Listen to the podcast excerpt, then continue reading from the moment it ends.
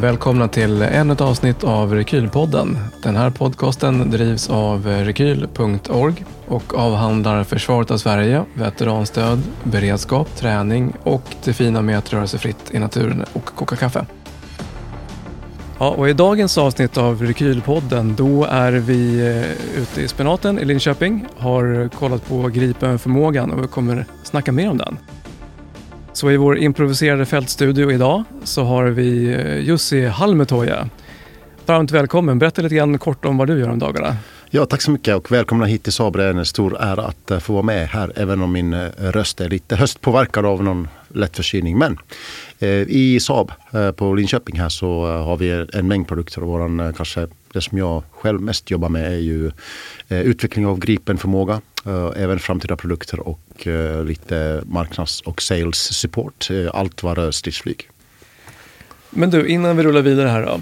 Ja. Berätta kort om din bakgrund. Vem är du? Ja, tack Jan. Eh, som sagt, om man ger en eh, stridspilot en möjlighet att prata om sig själv då, då, då kan man lyssna länge. Men jag ska hålla det ganska kortfattat. Men Jussi heter jag i alla fall. Eh, jag är på Saab sedan drygt tre år nu. Innan dess en eh, lång karriär i Försvarsmakten på nästan 25 år. Men det som är kanske det allra viktigaste här i den kontexten ändå, eller bland det viktigaste, att började min eh, militära bana eh, den 5 januari 1994 i Hjältarnas och Legendernas förband uppe i Kiruna. Där jag vet att ni också har stora delar av hjärtan som finns kvar. Efter det tänkte jag bli reservofficer i Kiruna men hamnade sedan på ett annat spår i en flygplanscockpit och på den vägen har det varit. Ja, strålande karriär, strålande resa. Tack så mycket. Det är, jag misstänker att du har väldigt många flyghistorier kvar att berätta. Vi kan ta dem sen eh, på puben. Ja, vi tar dem sen. Vacker, vacker dag. All right. Om man tänker så här, om man kollar lite globalt på det här. Alltså, vi har ju ett antal länder som tillverkar stridsflygplan. Eh, det är USA och sen så är det eh, Kina, det är Ryssland och så har vi Frankrike. Och så har vi Sverige såklart. Ja. ja. Varför är vi med i den här matchen? Ja, det är faktiskt en jättebra fråga och ibland blir man helt själv förvånad hur vi som ett land med 10 miljoner faktiskt lyckas. Men eh, eh, jag tror att eh, det beror på en, såklart olika orsaker. Men vi började eh, med stridsflygs eller flygplansförmåga eh, precis i upptakten för andra världskriget. Så det började egentligen redan där. Där man tittade på förmågan att ha luftstridskrafter som vi inte hade. Och eh, i och med upptakten och konflikterna i Europa och hela världen så fanns det inte att tillgå på marknaden marknaden. Eh, och enda alternativet var då att sätta upp en egen produktion med den ingenjörskonst och eh, mekaniska skicklighet vi redan hade i landet då. Eh, därifrån har det sen under dekader, alltså under årtionden fortsatt och jag tror att det är vår svenska smidighet, innovativa förmåga, icke-hierarkiska sätt som främjar idéer och innovation som helt enkelt har gjort att vi har lyckats så bra som vi har gjort. Så att det, det finns säkert långa historier att berätta men jag tror att det är i stort sett det som jag eh, skulle vilja häva fram. Men även såklart närheten till ett väldigt stort och påtagligt hot i vårt närområde som driver utvecklingen.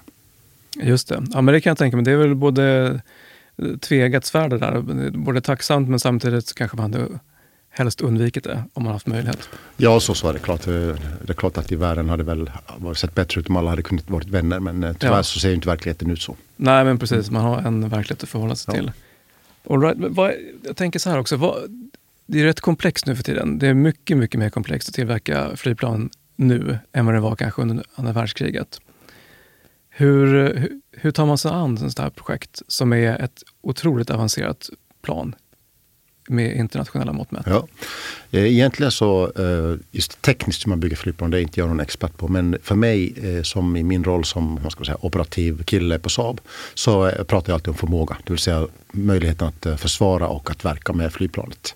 Och hur vi bygger upp AirPower kan jag väldigt snabbt förklara. Det. Ja. Man, man letar efter en del byggklossar i hela det här pysslet. Och först och främst så handlar det om förmågan att överleva. Det vill säga kunna motverka och försvara sig mot alla typer av hot. Eh, sen det nästa är möjlighet att verka. Och det kan man antingen göra med vapen, det vill säga kinet, kinetic. Eller non-kinetic med, med eh, sensorer och eh, telekrig. På det sättet trycka ner fienden. Andra saker som är viktigt är ju också då rörlighet. Alltså flexibilitet att kunna flyga, verka överallt. Dag och natt, eh, vinter som sommar. Göra alla typer av eh, uppdrag eh, dag ett, dag två och längre fram. överallt. Sen har vi eh, aspekter som eh, tillgänglighet, det vill säga eh, ha tillgängliga flygplan för att träna, öva. Men även om det skulle bli krig, kris eller om det värsta skulle inträffa en större konflikt än så. Och så också uppgraderbarheten, det vill säga tillgängligheten av relevant förmåga. Så man tittar på själva balansen för alla de här olika byggklossarna. Och hur man bygger upp förmågor. Det är det som är utmaningen att producera ett system som här. Att hitta den där balansen där man får en, eh, en lösning som motsvarar de krav som krigarna har. Just det. Och det ska också sägas att menar, man, man möter ju en, eh, en motståndare som har kanske volymen. Och då måste man kompensera det på andra sätt. Hur gör man då?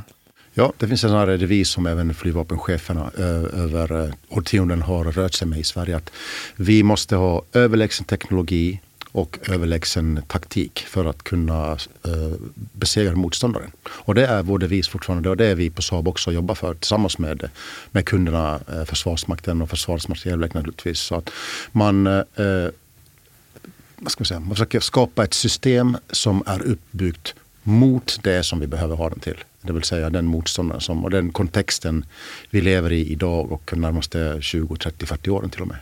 Och eh, den taktik som vi vill använda. Eh, så att, på det sättet kommer vi vara överlägsna eh, och kunna stå emot och bygga den här tröskeleffekten som vi vill ha för att det inte ska bli någon konflikt överhuvudtaget. Mm. Om man tittar på själva planet Gripen och, Gripen och systemet Gripen. Eh, vilken roll kommer det ha i försvaret av Sverige framöver? Det är den här air power-effekten och eh, jag tror att eh, jag håller med om många med mig och även forskning visar ju att eh, om man inte har air power, det vill säga luftstridskrafter, så kommer man eh, lida eh, ganska mycket i sin stora hela operativa kontext i alla domänerna. Så det är just den här rörligheten och möjligheten att eh, snabbt eh, stöta emot, snabbt verka. Om du inte har den, då kommer du att förlora kontrollen över luften och ge den möjligheten till din motståndare istället. Och så att air power det är A och O Dock ska man säga att om man bara har luftstridskrafter så kommer man heller inte kanske vinna. Utan man måste ha den där mixen i alla domäner för traditionella markstridskrafter, sjöstridskrafter och eh, så vidare. Mm. Vad är det som gör Gripen i princip unikt kvalificerad för Sverige?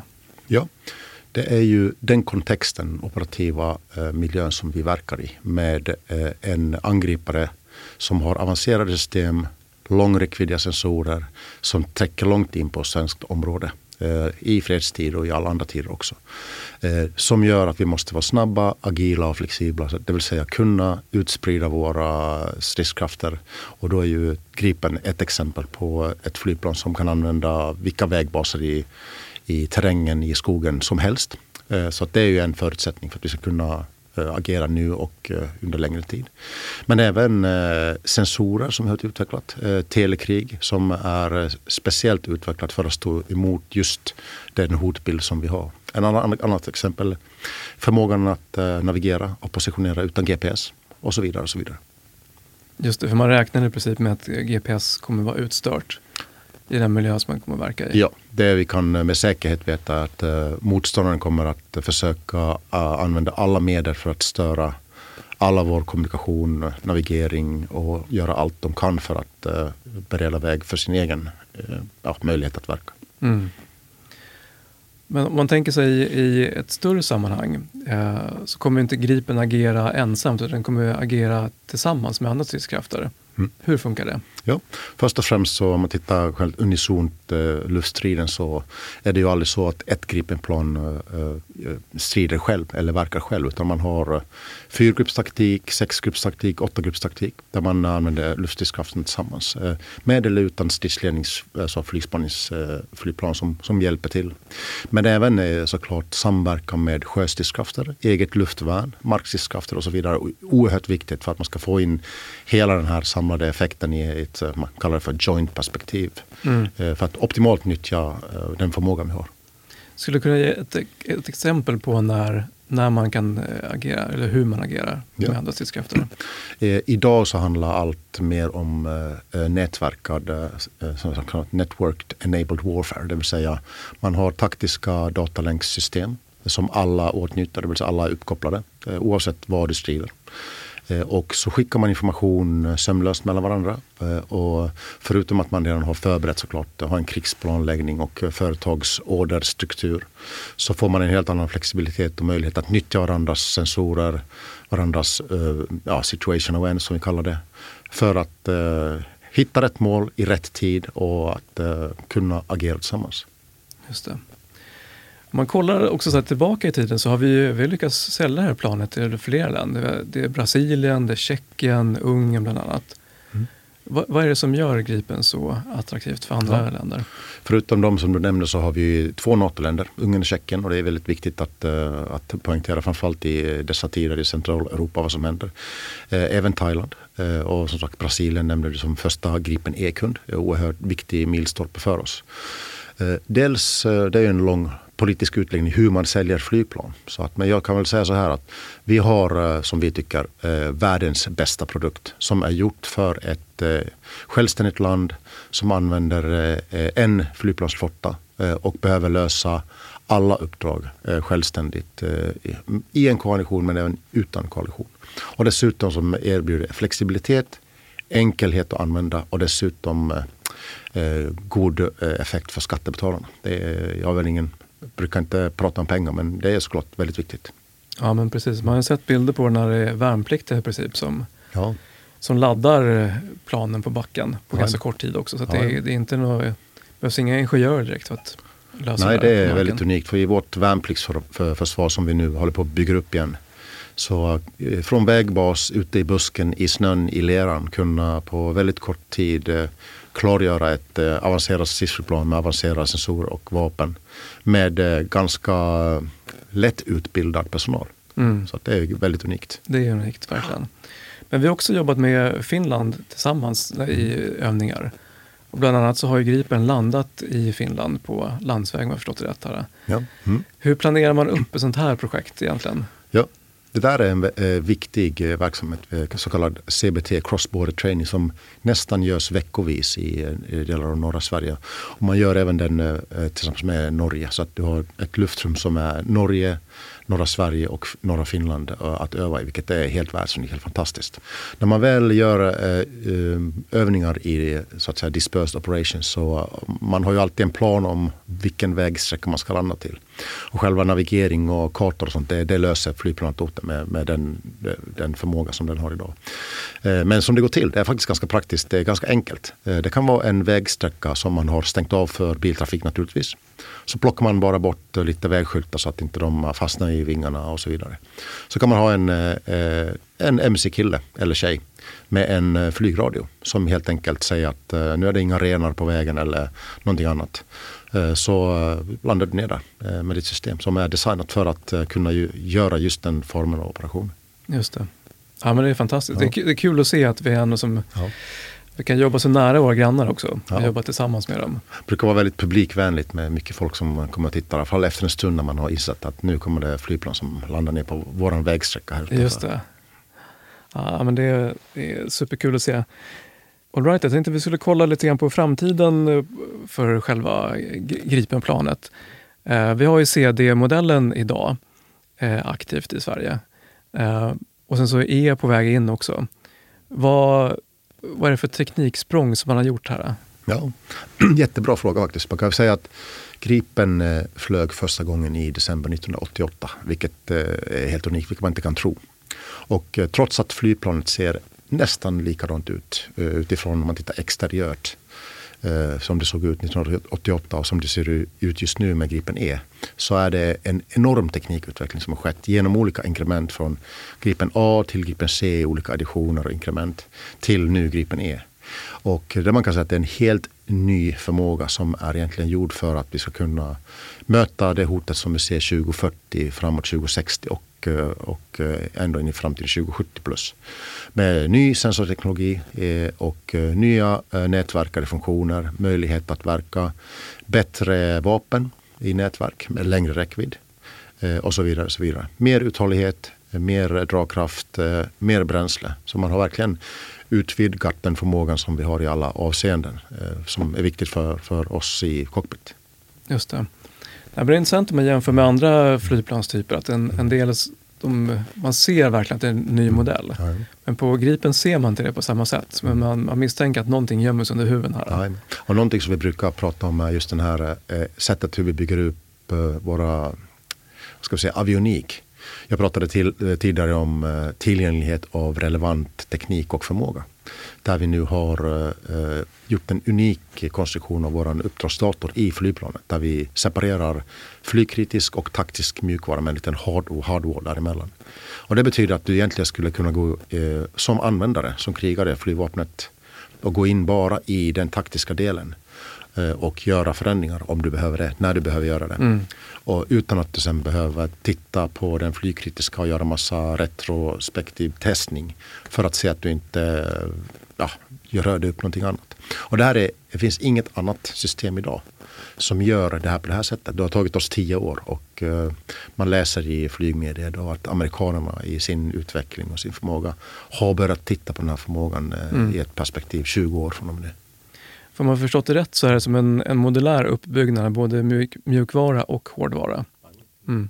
Om man kollar lite grann framåt på framtida och kommande hotbilder, hur, alltså, vad är det man planerar för att möta upp för någonting? Det blir ju mer komplext även i luftmiljön, mm. tänker jag. Det som vi ser idag är ju den här så kallade A2AD-bubblan som det pratas om i fackspråket. Så, eh, anti-air air denial, det vill säga en motståndare som försöker hitta intressezoner där de kan kontrollera luft och mark och sjö genom eh, långräckviddig eh, luftvärn, eh, långa, långa sensorer. Eh, mycket aktivitet både på ytan, under ytan, eh, kryssningsmissiler eh, och så vidare. Och så vidare. Det, det kommer att vara kvar. Förutom det så kommer vi se, tror vi, en, eh, ett bruk av eh, flygplattformar som kommer vara obemannade i samverkan med bemannade. Det kommer vara uh, low observable, så kallad stealth. Det kommer vara hypersoniska vapen, kanske uh, riktar energivapen. Uh, vi kommer se en större inverkan av uh, cyber och även rymddomänen. Och det har redan börjat och det finns redan idag. Men jag tror att allt det här, så de här tre domänerna klassiska kommer att ha växt till fem domäner som kommer alla samverka. Mm. Det kommer vara en väldigt eh, svår och utmanande miljö. Eh, och därför bygger vi systemen eh, exakt för att möta allt detta. Just det. Och eh, hur möter man det? Ja du. ja, nej, men det gör man såklart genom att vara väldigt flexibel, ha väldigt hög beredskap och bygga upp uh, Eh, kollaborativt med flygplan men med hela, alla sina luftstridskrafter för att få situationsmedvetenhet tidigt. Och när du får det så vinner du tid. Och man kan säga så att tid är oftast en krigares bästa vän. För då har du möjlighet att eh, planera din verkan och eh, också öka din chans till överlevnad. Ja, men precis. Och det här med att planera en själv som pilot, det kan ju bli, jag misstänker att det snabbt kan bli ganska komplext. Vad, vad, har man för systemstöd kopplat till det här för att liksom göra det mindre komplext? Ja, numera på stridsflygdivision i Sverige och många andra delar av eh, världen så har man en så kallad Mission Support Unit eller Mission Support Element där det finns eh, tjejer och killar som eh, hjälper piloterna i att managera uh, mjukvaru och hårdvarusystem, telekrig, uppdragsplanering, vapenpreparering, planering, kartor Eh, och eh, då gör man en plan tillsammans och laddar in det på en, egentligen bara en datastav som du sedan för med dig in i ditt flygplan och laddar ner den eh, mjukvara som du behöver för det uppdrag som du ska göra. Så det är en otroligt viktig resurs som frigör tid för piloterna att faktiskt nu tänka på taktiska lösningar och hur man ska göra i olika situationer som man inte vet kommer hända eller vet kommer hända. Som du, mm. ni vet det här att uh, varje, varje plan i en krigsplanläggning den håller till uh, första kontakt med fienden. Det, är, det ja, men. Precis. Det här men, eh, om jag förstått det rätt, gått lite grann i, vad ska man säga, man har, man har planerat upp för vilka hot man kan tänkas möta. Så man vet vilken typ av signatur mm. vissa flygplan har och vilka förmåga viss, vapensystem har från mm. motståndarsidan. Så att de är liksom förprogrammerade för det där. Ja, men det där är en väldigt viktig förmåga och den har vi ju med närheten till i den miljö där vi opererar med närheten till öst och de systemen där. Så har vi i Sverige alltid varit väldigt duktiga på underrättelseinhämtning så vi har väldigt god uppfattning på vad som kan tänkas finnas där. Eh, mm. Vi har möjlighet att simulera syntetiskt och eh, även på riktigt och se hur våra system eh, klarar av sin förmåga i olika typer av hotmiljöer. Så det här är någonting som varje avancerad land med egen stridsflygtillverkning och ja, förmåga att strida verkligen vill ha. Mm. Ja, du nämnde det där också förut, att man kan ha förelösa assisterande farkoster. Mm. Eh, Australien har ju en som heter The Loyal Wingman till exempel, mm. som de är ute och testar. Mm. Är det någonting som ligger liksom i farans riktning även här? Ja, det där är en förmåga som kommer att växa. Kanske inte de närmaste två, tre, fem åren, men definitivt på ett lite längre perspektiv. Och Loyal Wingman kan man väl säga är en slags konceptbeteckning. Det kan vara en produktbeteckning också, men det är ju där du har ett eh, förelöst, eh, en förelöst farkost av någon eh, design som i ett nätverk kan i olika former av nivåer av autonomi, autonomi hjälpa dig i ditt stridsflygplan att lösa en uppgift. Antingen autonomt eller genom direkt order via en datalänk eller något sådant. Mm. Och naturligtvis i Sverige som på Saab och även FOI, statliga myndigheter. I och med den historia vi har av stridsflygsutveckling så tittar vi också på sådana system. På, på Saab har vi en hel avdelning om Future Programs som tittar på så kallade man unmanned teaming och hur man skulle kunna skapa och nyttja den här förmågan på allra, allra bästa sätt. Så det är väldigt spännande att se vad man kommer fram till. Ja, man kan tänka mig det. Jag kan tänka mig att man kan se lösningar som vi kanske inte kan genomföra idag med de här också. Att du kan, få, ja, kan öppna upp en ny spelplan. Jag tror teknologins eh, hjälp kan vi göra massa olika saker. Sen kan man alltid fundera på eh, om människan och vi i våran, vårt samhälle är redo för alla typer av uppdrag. Ska man säga det här med, ja, för, uh, slutgiltigen så handlar det om att göra någon form av insats med vapen. Uh, vilken typ av autonomi kommer man till slut att till, tillåta i en sån form av insats? Det är också ganska spännande funderingar. Mm, just det.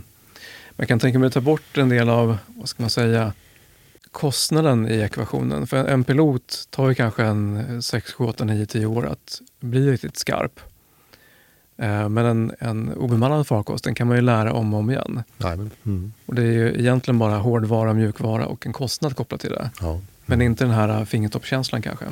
Ja, det är en rätt intressant fundering också. Ehm, sen en annan aspekt på det där är också att du måste kunna öva. Mm. Så du måste kunna öva med din system. För om du inte övar så kommer du inte ha en förmåga. Eller du kommer ha en förmåga som du inte vet vad den duger till eller mm. hur du vill använda den. Eh, hur ska man öva tillsammans med farkoster som har någon form av vad ska man säga, eh, AI-algoritm, eh, mm. självlärande och allt det där. Det, det där är, kommer säkert forskas och har säkert redan forskats ganska mycket om i, i, runt om i världen. Så, väldigt spännande. Ja, men det ska bli mm. superkul att, att följa utvecklingen. För jag tänker mig att nu går det ganska fort. Jag kanske är lite biased som pilot i ett flygplan. Men jag tror ändå att någonstans i framtiden kommer det alltid finnas en plats i en eh, man eller en kvinna i en cockpit som fattar de där livsavgörande besluten. Eh, mm. I en cockpit eller i en hangar. Men jag tror att eh, vi är ännu inte riktigt i historiens slut vad gäller bemannat flyg. Jag tror att det kommer att leva kvar. Ja, men precis. Du som är som utvecklar förmågorna till Gripen, om du, om du får önska helt fritt, vad skulle du vilja ha i Gripenplan framöver? Mm, bra fråga. Eh, en, en, pilot vill ju alltid ha mer bränsle, mer eh, sensorer, eh, mer vapen, mer dragkraft. Det vill alla piloter, man är aldrig nöjd. Eh, så det där kommer att fortsätta såklart. Men eh, där man, jag tror man kan vinna den största effekten är just den här eh, nätverks-enabled, eh, alltså förmågan att eh, max utnyttja förmågor, plattformar, vare sig bemannade eller obemannade i en mix. men kunna hitta smarta automatiska autonoma lösningar eh, för att eh, bli så bra som möjligt så snabbt som möjligt. Eh, du kan ha farkoster som alltid är uppe som kompletterar med eh, snabba stridsflyg som kan starta på minuters varsel. Så jag tror att det där kommer att eh, är en avgörande förmåga för att möta det hotet vi pratade om lite tidigare med just hypersoniska vapen, olika domäner, eh, det oförutsedda som sker. Mm. Ja, fascinerande. Ja. Och det känns som att eh, det kommer bli mer av den här varan framöver, har jag en känsla av. Ja, det är väl så verkligheten är. Jag tror ett filosofiskt perspektiv skulle vi gärna lägga våra samhälls, samhälleliga resurser på eh, annat. Men eh, som det har sett ut genom historien så kommer försvarsmåga alltid vara väldigt viktigt att ha. Mm, absolut, mm. så är det. Du Jussi, stort tack för idag. Ja. Eh, vi ska fortsätta gå runt här i, Saabs domäner, eh, men eh, vi rundar av för den här gången. Ja. Stort tack. Tack så mycket John, det var ett nöje. Ja, Tack. Hej. Passa på att prenumerera på podden och tveka inte att ge den betyg. Det här gör det enklare för andra att hitta hit. Länkarna från avsnittet hittar du i show notes och oss på Rekyl hittar du på rekyl.org. Och till sist, se till att öka din handlingsfrihet genom att ge dig ut och träna. Tja!